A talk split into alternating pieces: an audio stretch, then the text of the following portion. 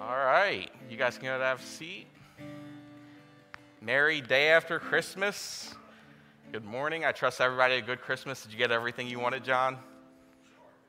sure.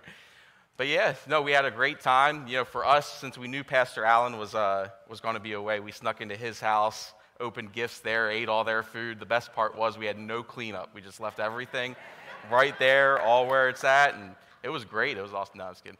We went with our family, and I'm sure, just like many of you guys, we had a few family members who couldn't be there. For me, it was Thanksgiving. I was, I was the one who missed that. Uh, but we had quite a few family members who, uh, who were sick and not able to, uh, to be there at Christmas with us. Um, and like I said, I'm sure that's the same for you, but hopefully everybody was still able to have a great time with their families and uh, um, enjoying that time with each other. But uh, I'm Pastor Willie, for those of you who don't know me. Um, I am the new guy, I guess. I've been here three months.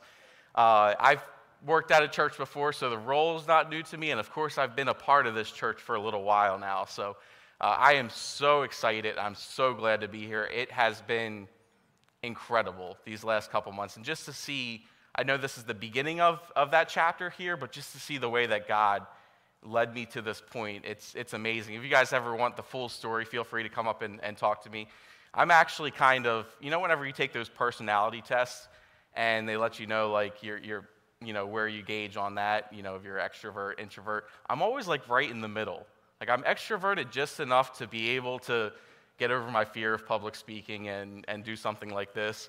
But I'm still introverted to where I'm constantly thinking, like, oh, what if that person is just not wanting to talk right now or something like that?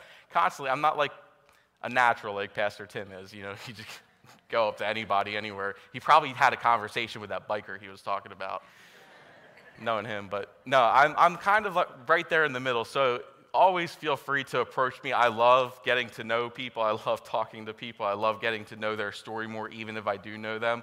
So if you ever see me sitting there, feel free to approach me. I'm going to try to do that a little bit more that I'm in this role now. I always use the excuse before that, oh, I'm just a, a church member now. And but now I can't use that excuse. Now I, I, I work here now. So luckily for me, I'm not the new, new person because Debbie was here. So I was only the new person for like two months. So that was great.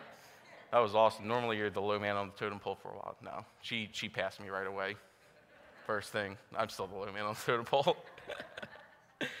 All right, so the good thing is, uh, Pastor Allen's not going to be here for a little. He'll be here next week, but then he's got his surgery coming up. But you know, you'll have some different speakers and things like that. Unfortunately, you get me today, but the good thing is you only get me once. So, so once I'm done, then you know you'll get your, your pastor Tim and you'll get your Seth and your others giving messages and things like that. So you only got to get through that one time for me. So now hopefully it won't be too bad. It's uh, what I wanted to to talk about today and bring out today, and I kind of feel bad because it's not really a Christmas message. You know, when I knew I was going to speak today, the day after Christmas, I was was kind of wrestling with that. I was like, it's the day after Christmas. Pastor Allen will just finish his Christmas sermon. Should I do another additional Christmas sermon? You know, I, I wasn't quite sure, so I decided not to. I decided to go with what I was thinking. And then, you know, we still have all the decorations up. We're singing the Christmas song. So I feel bad. I don't have like a traditional Christmas message for you, but I'm sure there's some way we can, we can tie it together afterwards and uh, make the application. Uh, we're going to go the complete opposite direction. We're going to look at the Old Testament, minor prophets, Haggai to be exact. So uh, it's, it's, it's been interesting. We've been looking throughout um, the book of Haggai, as, or I'm sorry, the minor prophets as a youth group, and going through them and studying them and, um, and things like that. And Haggai, for, for whatever reason, stood out to me. Uh, throughout the, the minor prophets, I've, even before we did this study, I was always familiar with um, kind of the cycle of sin. Um, and, and by that, throughout the Old Testament, even before the prophets, Israel kind of always continuously would go through this cycle where God would redeem them, He would do something great for them, and things would be good.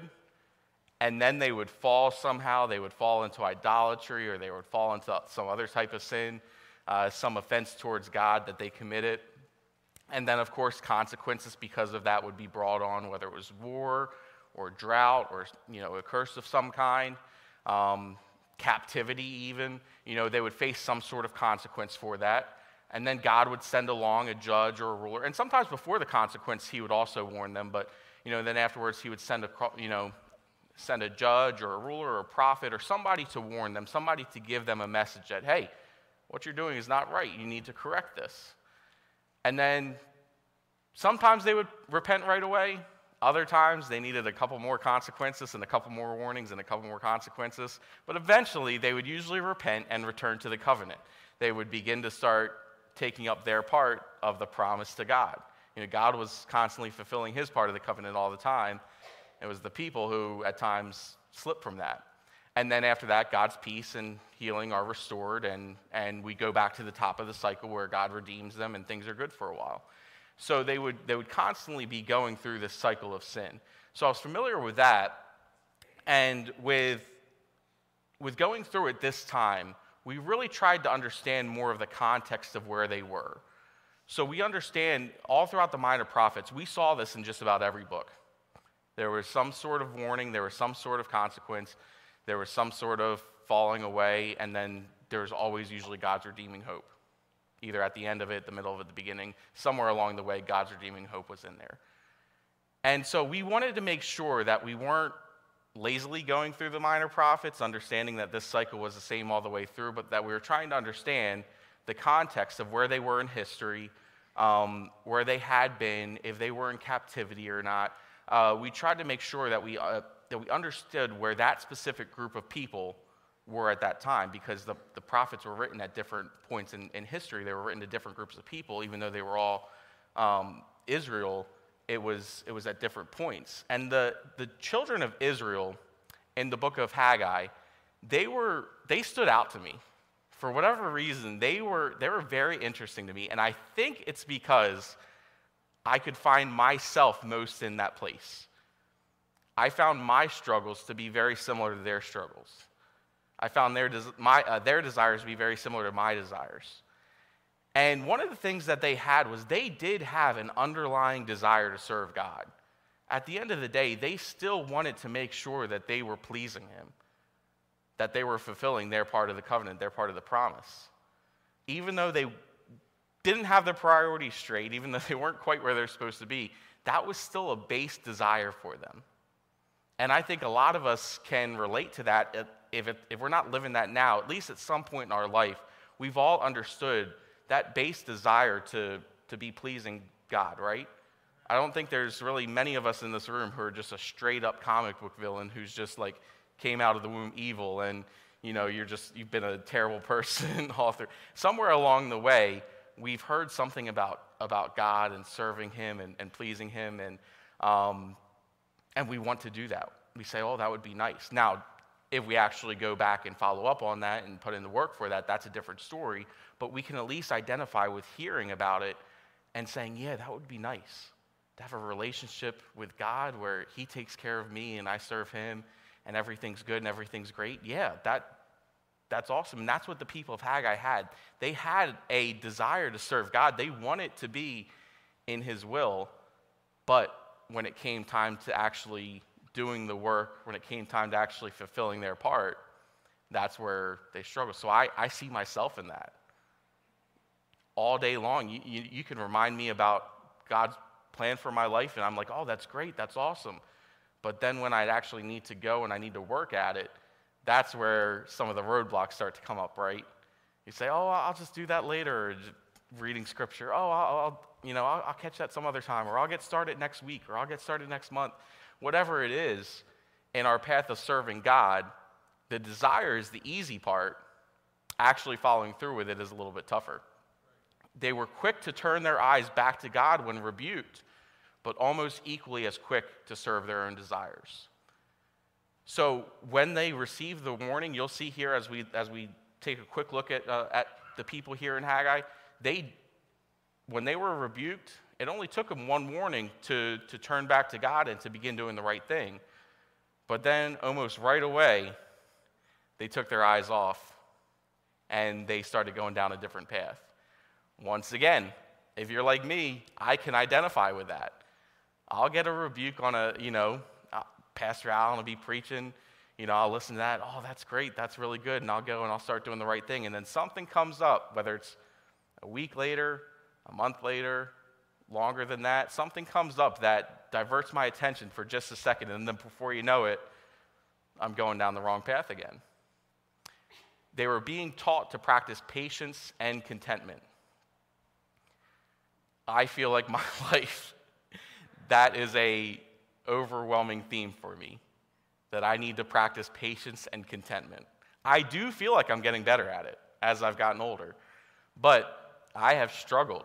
I've struggled hard at being patient, not getting what I want right away, right, Elizabeth? Just a little bit, and contentment, being satisfied with what I have. Contentment's a little bit easier for me. Patience is the big one, but I still definitely struggle with contentment. And so, looking through them, looking at the people here, this is what drew me to this book.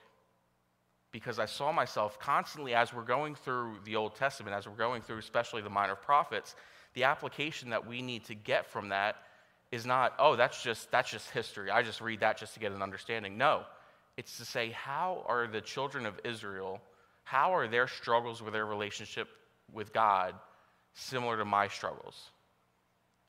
Not so that I can say, oh, they had struggles too, so I'm just going to continue in my struggles, but to say, how do I need to get out of those struggles?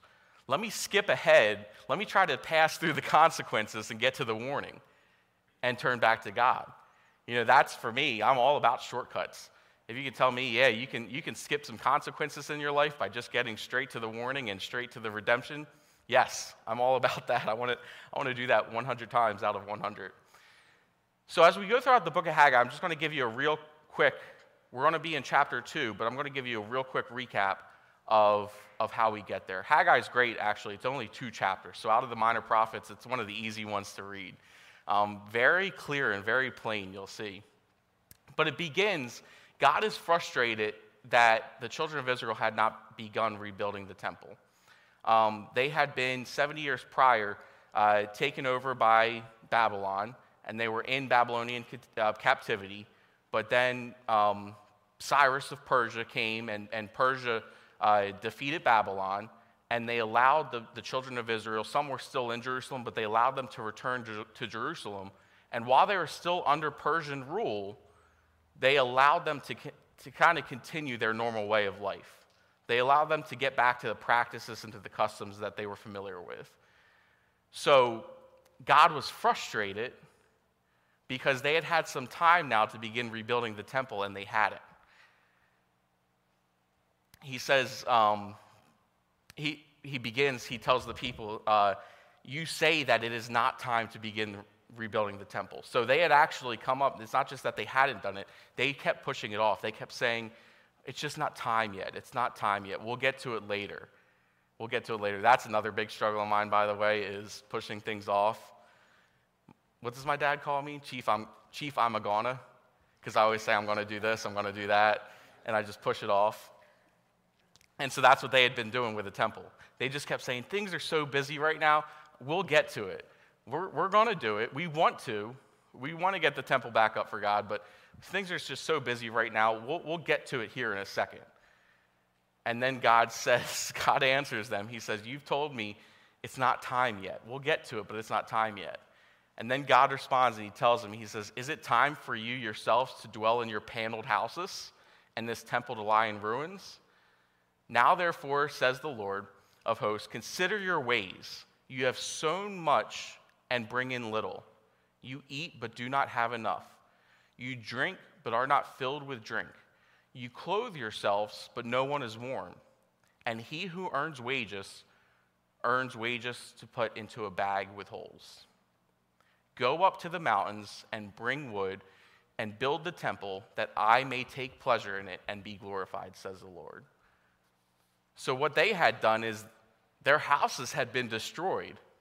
And they went back, and the first thing that they did was rebuilt their houses. And of course, they made sure not just to rebuild them, but they made sure, I guess the big thing back in the day was to panel the walls of the houses with wood. I don't know if that looked like the wood paneling that we think of, or if it, I'm sure it wasn't the same. I'm sure it was different. But I guess that was the big like design thing. Like that was the um, open concept of the day. you know, that they had to have that in their house, the wood paneling on the walls. And God's getting on them for it. He says, You've told me it's not time yet to, be, to, to rebuild the temple, but yet you've been living and dwelling in your houses that you rebuilt, in your houses that you've decked out, in the houses that you're continuing to advance. And then he says, Have you noticed lately that your work seems to be a little bit harder? That you're, you're eating, but you're not really, you're not really full. You're still hungry. You're earning, but it's not staying in your pocket, it's going out. He's telling them, he's saying, there's a curse that you guys have. Because of your inactivity, because you have refused to rebuild the temple, there's a consequence. I've withheld these things from you. And that's, that's scary because I know for me, and I know specifically, especially my generation, sometimes there's a struggle with that. There's a struggle of saying, God, I love you. I have this base desire to follow you, but I just need to take care of these things first. You know, when, it, when we're in high school, it's all about, I just need to, I just need to get to college and then I'll have enough time for God. I'll have enough time to serve Him. Have, i just need to get through these projects. I need to get away from these friends that I have. And then I'll make all new friends and they'll be the best. And everything will work out great. Then I'll start serving God. And then you get to college and you're like, oh no, college is way busier than I thought. And I made the wrong group of friends again. And you're like, I just need to get out of college.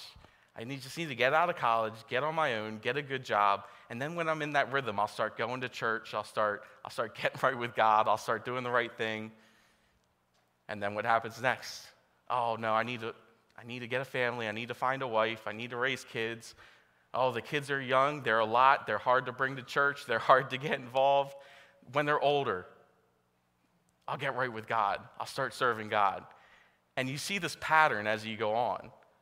And sometimes you try to sacrifice your relationship with God to continue your career. And what you're wanting to do, because it sounds okay, it sounds like it could work, what you're wanting to do is say, I don't want to turn away from God. I just want to press the pause button. I just want to press the pause button on my relationship with Him, advance my career, and then look, God, I'll be all the way up here, and then I'll be able to serve you so much greater. I'll be able to follow you so much better. I'll be able to give to you so much more. And what God's telling them is no, that's not the way you should have done it. In fact, it's been harder for you over on this side because you have not done it the right way.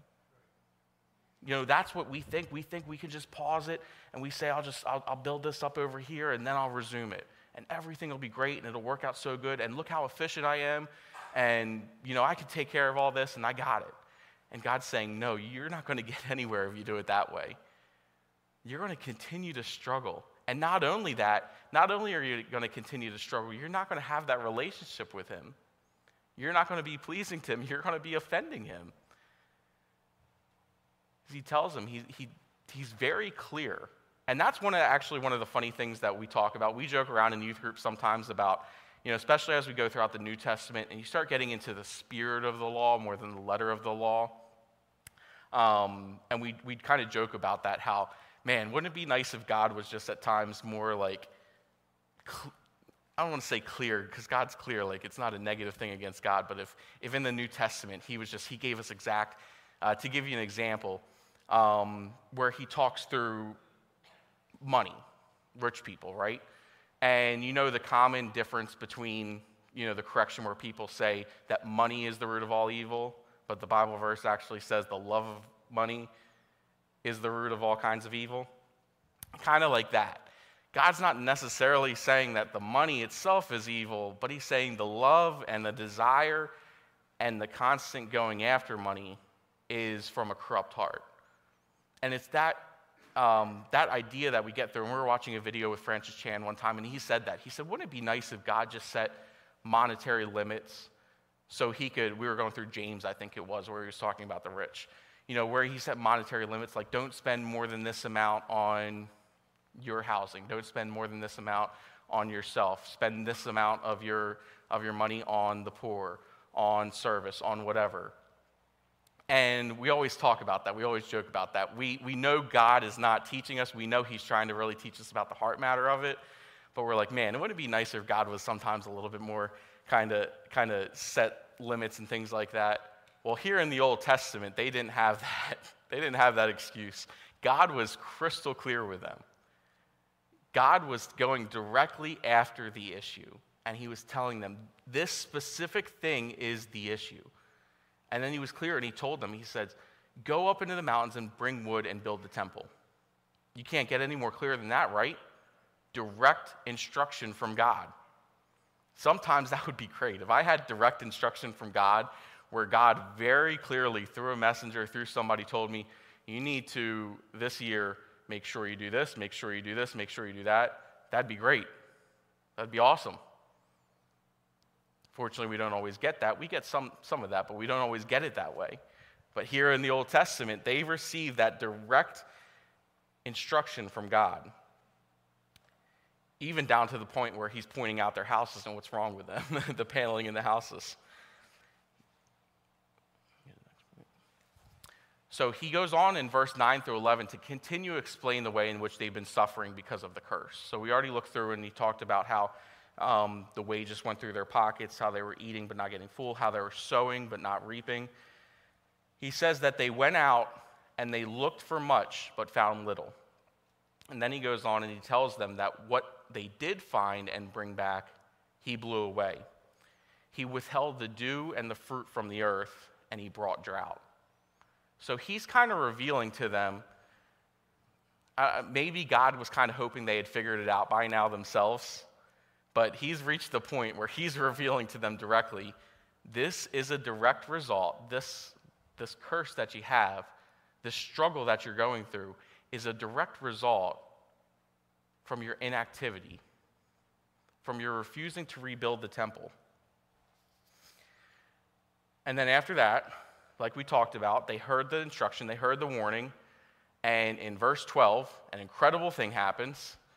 Zerubbabel, the son of Shealtiel, and Joshua the son of Jehozadak, the high priest, with all the remnant of the people, obeyed the voice of the Lord their God and the words of Haggai the prophet, as the Lord their God had sent them.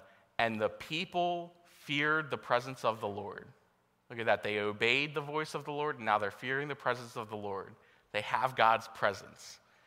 Then Haggai, the Lord's messenger, spoke the Lord's message to the people, saying, I am with you, says the Lord a direct result to their step in obedience, brought about a, reward. It brought about his presence. And then beyond that, not only his presence, his spirit began to stir around, and the people began together and they began to rebuild this temple. You know, it's sometimes we make it so difficult on ourselves and we try to add more into this relationship with God when the reality is it's pretty simple. It's pretty simple. When we feel at times that we don't have God's presence in our life, or we say, you know, I just don't feel God moving in me right now, or I just don't see God around me as much as I had before, maybe we need to look at our obedience. Because here for the people, they began obeying, and immediately God's response is, I am with you. I am with you. And then they get to work on the temple, and everything's great, and they learn their lesson. Well, not exactly. Remember, we talked about how quickly they how quickly they turn things around. That's almost as, as quick as they began to take their eyes off of what God was doing. And so we get into chapter 2, and God begins getting on the older generation. Chapter 1, it's many, many people believe chapter 1 was written towards kind of like the younger generation there chapter 2, he's, he's getting on the older generation because they had to be around long enough to remember Solomon's temple before it was destroyed. Because what, is, what had been happening was they were beginning to complain about the fact that Solomon's temple, man, that you should have seen that thing. This temple, yeah, it's all right, but Solomon's temple, man, you should have seen that thing. That thing was incredible. That thing was amazing.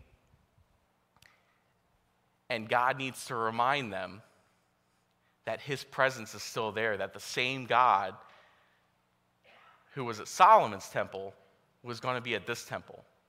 And he even goes on and he tells them that he's going to fill that temple with more power and presence than he ever did before. He says, I will fill this temple with glory, says the Lord of hosts. The silver is mine and the gold is mine, says the Lord of hosts. The glory of this latter temple shall be greater than the former, says the Lord of hosts. And in this place I will give peace. And of course, he needs to remind them it's not the building, it's not the, it's not the ornaments, it's not the gold, it's not all this external stuff. It's about the God who is inside of it. It's about the God that is with you. And he says, I'm going to do more things through this temple than I ever did in that last temple. And he needs to bring them back there. You know, it's, it's, it's hard because you, you have a past experience of God at times where things were really going well, where you really felt close to him, where you really felt his presence. And the temptation is to continue to look back at that. The temptation is to say, you know, I'm, I'm here now, and yeah, maybe I feel God's presence, maybe I don't, but the one thing I know is I don't feel it like I did back then. And you're looking at your past experiences with God rather than focusing on the way that He wants to have a greater experience with you right now and in the future. I look at my life and there's times where I'm in a rut, and that's what I'm doing. I'm saying, you know what? I don't really feel God. I don't really feel God's presence as much. I don't really feel His power as much. But man, that summer when I was 26, I sure did. Or, you know, that summer when I was 16 at, at camp, I, I, I really felt His presence and power there.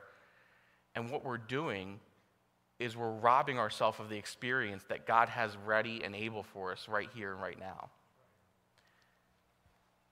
you know, it's, I guess, a lesson for us. I don't know what generation I'm a part of. I just turned 30, so I, I feel like I'm, I'm joining Pastor Tim and Pastor Allen in the older generation here. No, I was kidding. just kidding. But, you know, I know that I have fallen into the temptation of both these generations. I've fallen into the temptation of wanting to pause my life and advance my career, advance my house, you know, get my house in order and then resume my relationship with God. I've never really had a time in my life where I said, I'm going to turn away from God completely. I've always had that desire to follow Him, but I sure have had those temptations to say, you know what? Let me just let me just slow down on the church thing and work on the work on the career thing, work on the finance thing, work on this, and then I'll get back to it. And then I've also I've also experienced the generation where I've looked back to my past past experience with God instead of doing what I should be doing, letting that be a great memory, letting that be a, a, a great lesson, but not looking at what God is trying to do right here, right now. So, we finally get to our portion that we're going to look at Haggai chapter 2, and this is verse um, 10. It says, On the 24th day of the ninth month, in the second year of Darius, the word of the Lord came by Haggai the prophet, saying, Thus says the Lord of hosts. Lord of hosts is a popular expression to Haggai. He loved this, he loved referring to the Lord as the Lord of hosts. Now ask the priest concerning the law, saying, If one carries holy meat in the fold of his garment, and with the edge he touches it, bread or stew, wine or oil, or any food, will it become holy? Then the priest, of course, answered and said, No. He was asking them legally, when you go through this process of sanctifying the offering, the meat, and you have it and you're transporting it, legally, if any of that stuff touches the meat, does it become holy? And they understood legally, no, it did not become holy. That did not become the holy bread that then made the, the holy butter knife or something like that. And it wasn't this line that you could keep going where you could keep transferring this holiness, legally speaking. And then he goes on and he says, If one who is unclean, because a dead body touches any of these, will it be unclean? So the priest answered and said again, It shall be unclean. Then Haggai answered and said, So is this people, and so is the nation before me, says the Lord and so is every work of their hands and what they offer unclean. So before we kind of jump into that, it was, it was the opposite. For holiness, it's not transferable. It's very clear, very plain. But for uncleanness, it is. Everything that unclean thing touches becomes unclean. Let's go ahead and look at some things that are contagious. So when we talk about these, these are some positive things. So laughter, people always say that. And, and contagious, to be honest, I guess some of these things are infectious. When I was looking online, I know, there, I know there's a difference between contagious and infectious, but to be completely honest, I still don't know what the difference is. I'm sure some of you guys do. I just use them as interchanging words contagious, infectious. So you can go ahead and correct me afterwards, I'm sure. But uh, I, I, tried. I really got in the effort. I was like trying to look up like in the dictionary like what the difference is. To me, they just seem like the, exactly the same thing. So um, if something on this list is not actually contagious and infectious, then forgive me, please. But laughter. Laughter is a big one we hear. You know, when people are laughing, when a bunch of people are laughing in a room, it helps to laugh. If nobody's laughing and you have somebody standing on stage trying to tell a lame joke, you might think it's funny, but you're not going to start laughing. But if everybody's laughing, it's contagious, right? It's easier to laugh. Same with smiling. If everybody's in a group in a room, it's easier to smile. If every single person has a scowl on their face, unless you're Pastor Tim, it might not be that easy to smile. Energy. Energy is a big thing. When you walk into, I, I never really understood this until I guess a couple years ago, but when you walk into a room or if it's a sport or a, a workplace and everybody's energized and everybody's, you know, kind of like upbeat, there's, there's a buzz to that. You know, it's, I guess that one's infectious. That sounds like the right word, infectious. You know, that one is for me a big thing. And then, of course, I understand the opposite. You go in and there's no energy in the place and it's dead. That doesn't really inspire you to get up and going around. This one's funny. This one I call the superhero effect. And it's not just superheroes, but it's easy to talk about superheroes.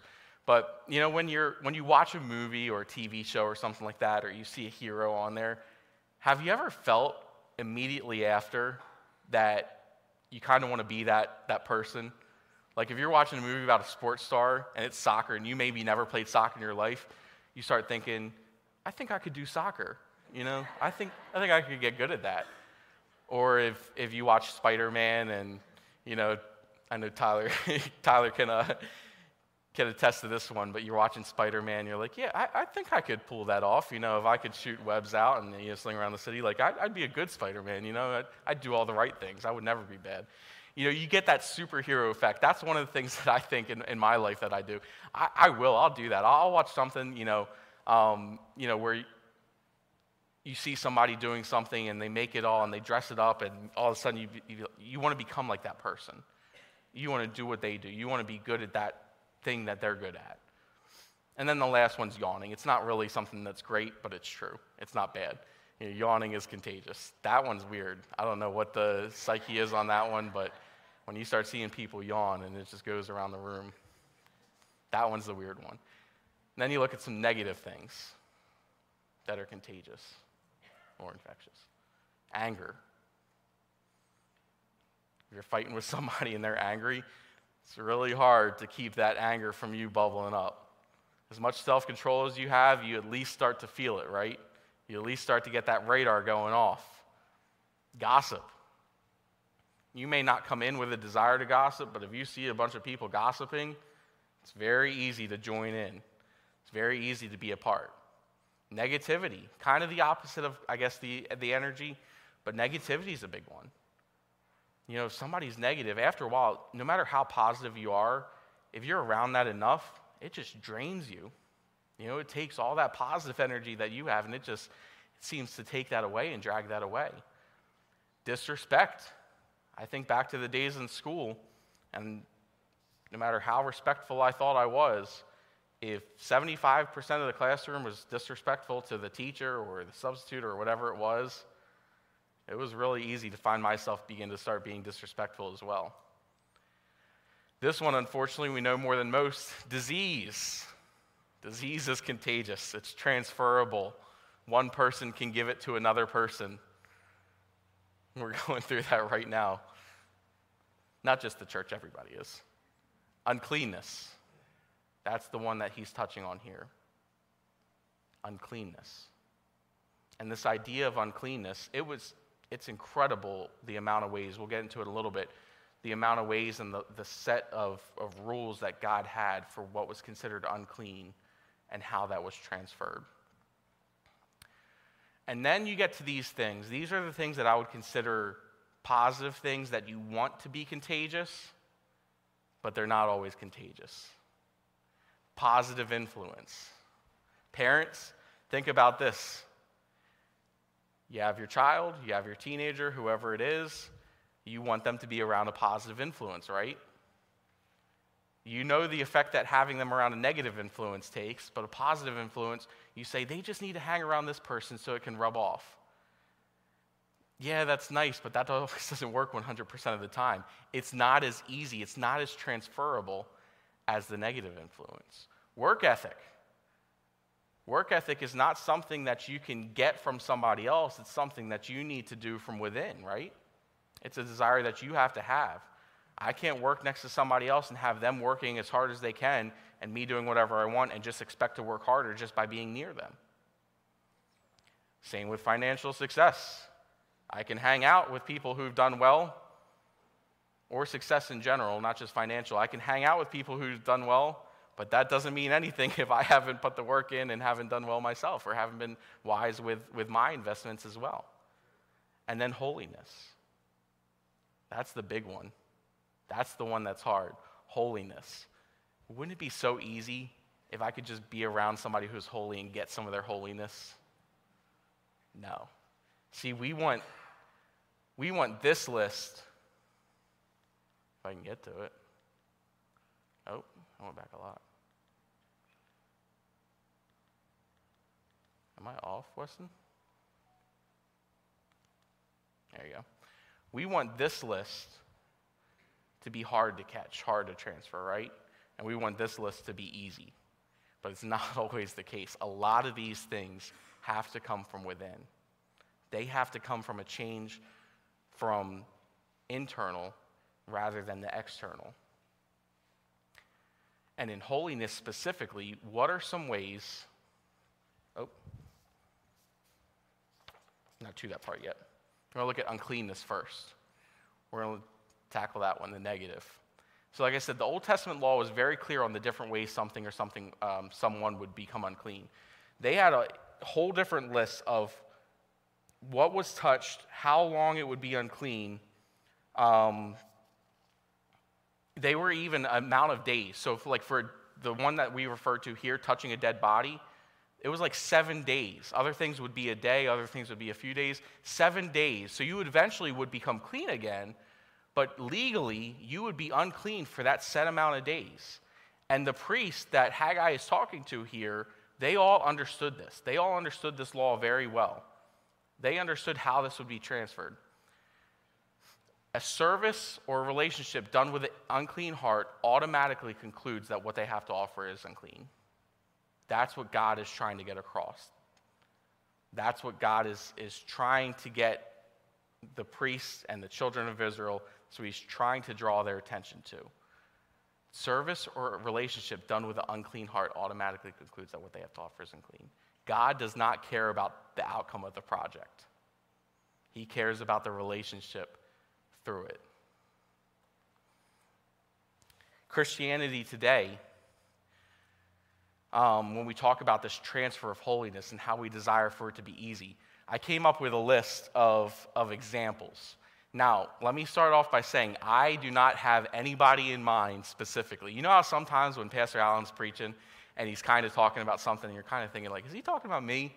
Like, is, he, is he using my story as an example here? This, I have nobody in mind for any of these things, but these are just things that I know I've experienced in my life and things that I've witnessed before. First one, I call it checklist Christianity. So that's the idea that, oh, let me just make sure I go to church X amount of times a week. Let me make sure I read my Bible X amount of times. Let me make sure I pray X amount of times, and then I'll be good. You have this base desire to follow God, but you're cutting out the relationship part of it. You're just serving yourself. You're saying, What do I need to do to make sure that I am covered, to make sure that I am good, to make sure that I'm in the safe zone? And you create this checklist and you do those things. And your desire really isn't to have a relationship with God. Your desire is to make sure that you're checked off, to make sure that you're good, to make sure that you're covered. Then you have one I call it the service replacement giving. I've seen people like this before who say, you know what? I'm not really about serving and working in the church, but, but I'll give instead. Here you go. I'll offer this. Now, there are times where somebody may be able to offer something like that and they don't have the time or the ability to, to serve um, in a different way. But what I'm referring to is the times where you know that God wants you to be plugged in and God wants you to be a part of something and God wants you to do your part in His church locally here, but then His church out there as well. And you say, you know what? Instead of that, I'm going to serve this way. And you, what you try to do is you try to come up with replacements for the service that you know God's convicted you of. Then you've got the good Christian raiser. These are parents who say, Oh, I've, I've raised my son up to be a good Christian boy. I've raised my daughter to be up a good Christian daughter. And that's great and that's good. But I've seen too many people who put all their eggs in that basket, never worrying about their own heart and their own relationship with God, instead of saying, No, I've, I've given to God by way of my children. He can have them, but when it comes down to it, He can't really have me. Pride, the proud. That's probably the biggest one. People who serve themselves instead of serving God. You may actually do the service, you may actually come out and do the work, but you're doing it because there's an audience. You're doing it because there's somebody watching. You're trying to get this earthly reward. The pastor, just because people are pastors, just because people are leaders, just because people are, you know, may have some role in the church, does not automatically mean that they are holy.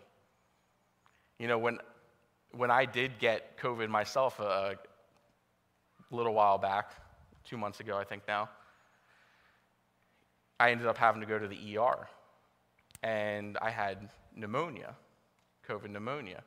And I did the worst thing that you probably should. You start looking up the, the stats on COVID pneumonia.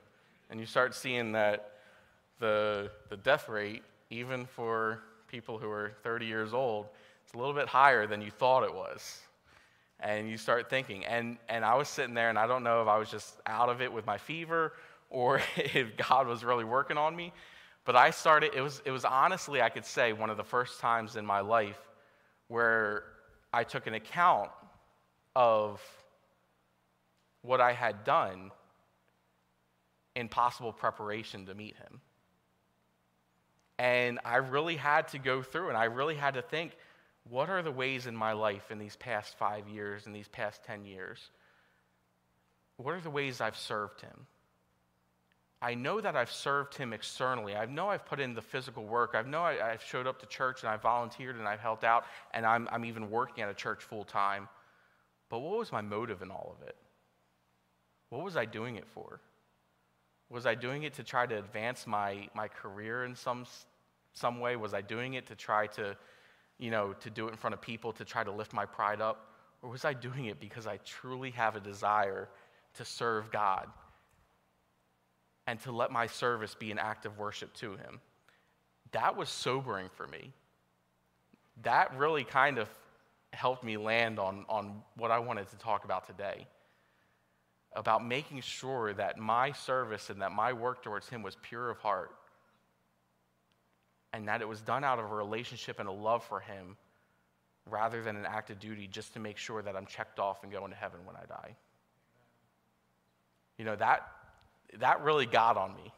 Like I said, it could have been from, from the fever that I was starting to think crazy, but I just, I really started, started thinking that way. And you look at uncleanness, and you look at, we talked about disease, and that, that, you know, that's the one thing that we know that we can all pass to each other. And hopefully, hopefully the idea, hopefully the idea with COVID is that if you've had it, or if you've thought you've had it, we've all had this sense of responsibility. This sense that we need to make sure that we do not pass this on to my loved ones, or to my friends, or to strangers.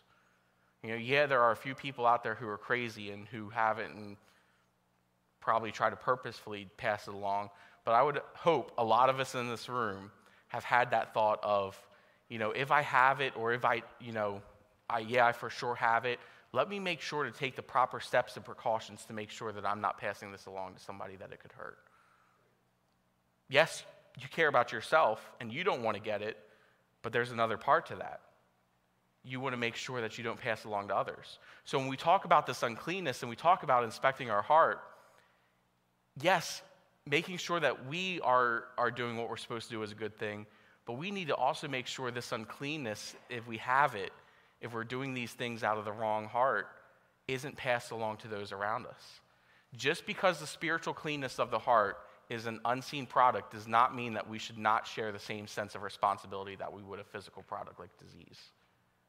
We should have that same sense of responsibility with our service that we do with something like a disease. If you don't do it for yourself, you need to make sure that you do it for those around you. To make sure that you are not passing along those things that are so negative, those things that can be passed so easily and helping people to focus on their own relationship with God. So, when we look at, again, the holiness, the meat itself, I kind of want to go through the process of how they would, how they would sanctify this meat. And this was probably meat from like a peace offering or some other uh, similar offering uh, because he talked about it, transferring it. It's, you know, probably already cooked um, with, they're adding bread, wine, all these other things. So it's, it's some sort of offering probably that they ate. And so, what they would do is the priest would receive the animal, and when he would receive the animal, he would immediately lay his hands on it and he would, he would kill the animal. And then they would prepare the altar by sprinkling the blood um, on the altar. And then after that, they would divide up the meat. And the first thing that they would do is they would take the kidneys, they would take the lobe of the liver, and they would take the fat that covered the innermost parts of the animal, and they would give that to God. That was God's portion, and they would burn that and then they would divide the meat up between the priests and the offerer, who would then go and take that and eat it, usually in a um, you know, ceremony type fashion. But the first thing that they would do is that they would give the Lord his, his portion. When I think about being set apart, this idea of holiness, that's my favorite base definition for holiness. It's simple, it's easy to remember, being set apart. When I think about that process, I try to imagine myself as that, as what I'm doing, the preparation. What does service this way look like? It's thoughtful or it's thought through. You know, you had to, they had to raise the animal. It's not like they could just go out and buy an animal and bring it over for the service. They had to raise this animal. They had to think about it ahead of time. It's intentional. They in, intentionally decide that this is what they're going to do, that that's what this animal's purpose is going to be. It serves its purpose in God's will. It has its own purpose. God has its own plan for what it does. It's looked upon with favor by God, but most importantly, it is an act of worship.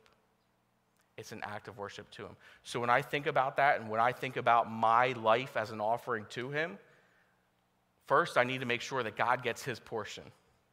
To say, God, here's my life, here's my service, Take with it what you want. Here's my heart.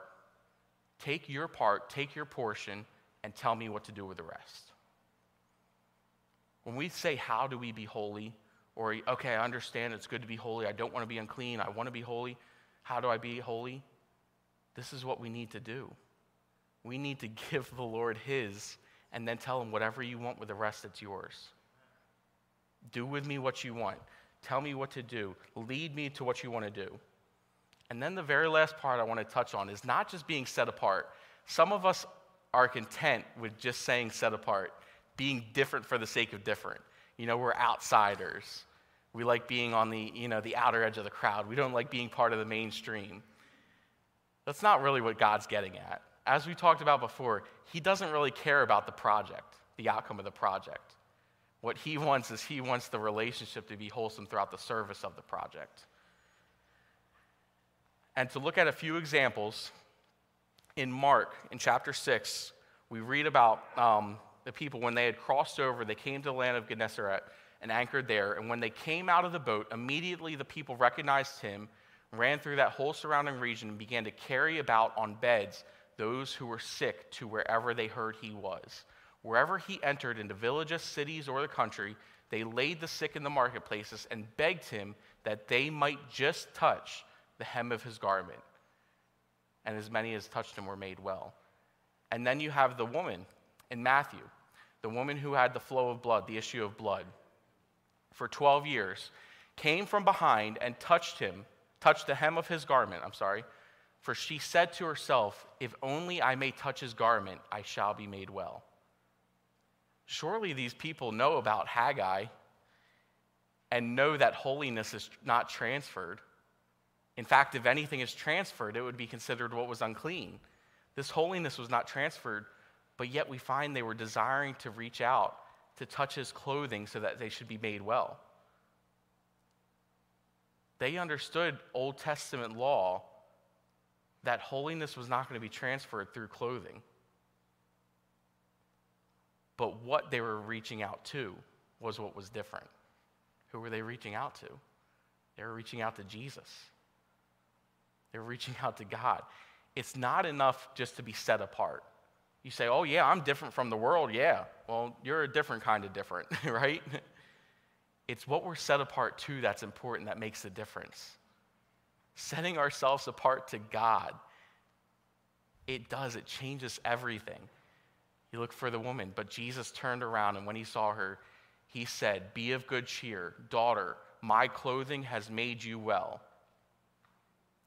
No, your faith has made you well.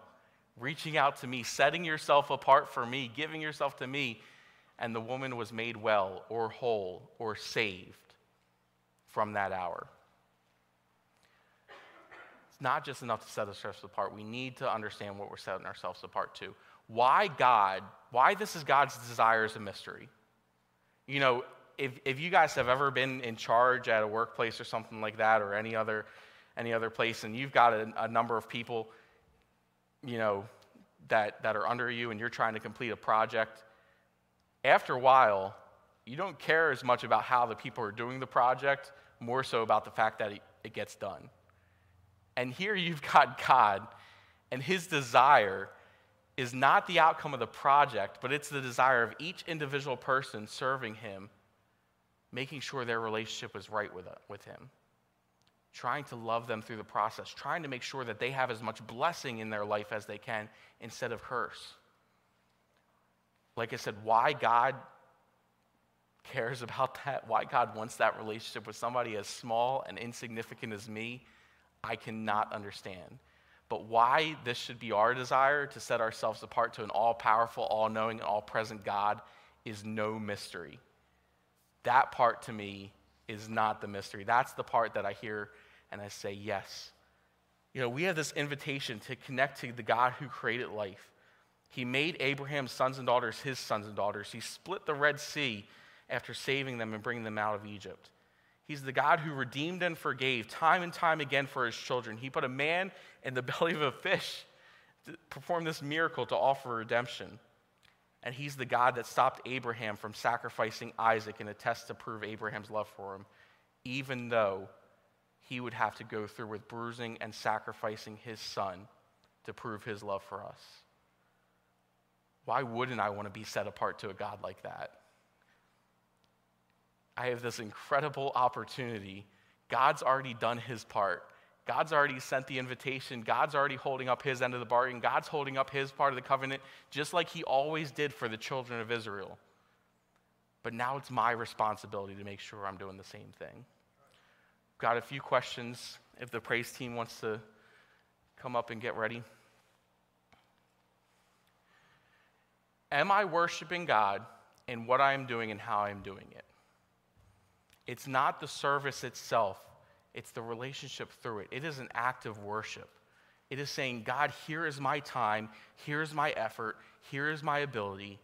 I want it to be yours. Not doing it for any pride or any external reason, or just because we think it's good, just because we think it's checking the list off, but doing it because it's an act of worship to Him. Is what I'm doing furthering my pride or my relationship with God? I feel like I just also asked that with the first question, so we'll go to the third. Have we been made whole by striving for Christ? Have we been made whole by striving for Christ? Have we made sure that we are not setting ourselves apart just to be different, just because we don't like the other side?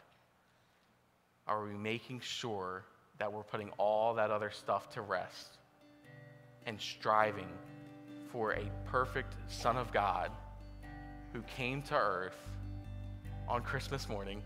Not exactly, not December 25th, probably, but came to earth, lived a perfect life, willingly gave himself up as a sacrifice, took on the punishment that we deserved so that we could be made whole, so that we could be made well so that our struggles would be behind us and our future filled with God's blessing could be before us. Let's go ahead and pray. God, I thank you so much for this morning. I thank you for the amazing opportunity to share your word, Lord. And I just thank you, thank you for what this book and what this portion of Scripture has meant to me, Lord, recently. Really inspecting myself, Lord. I don't want to be somebody who's just serving you just because it's my job or just because it makes me look good in front of other people. Lord, I want to serve you because I love you. I want to serve you out of a relationship with you. I want to worship you with my service. I want to worship you with how I am your, your arms and legs, Lord, with how I serve the church, with how I serve the world and, my, and the uh, community around me. I pray that you would help me to continue in this. I pray that you would help me to focus on the present situation that I am, the ways that you want to be um, present and powerful in my life now, Lord, and for the times ahead. In Jesus' name I pray.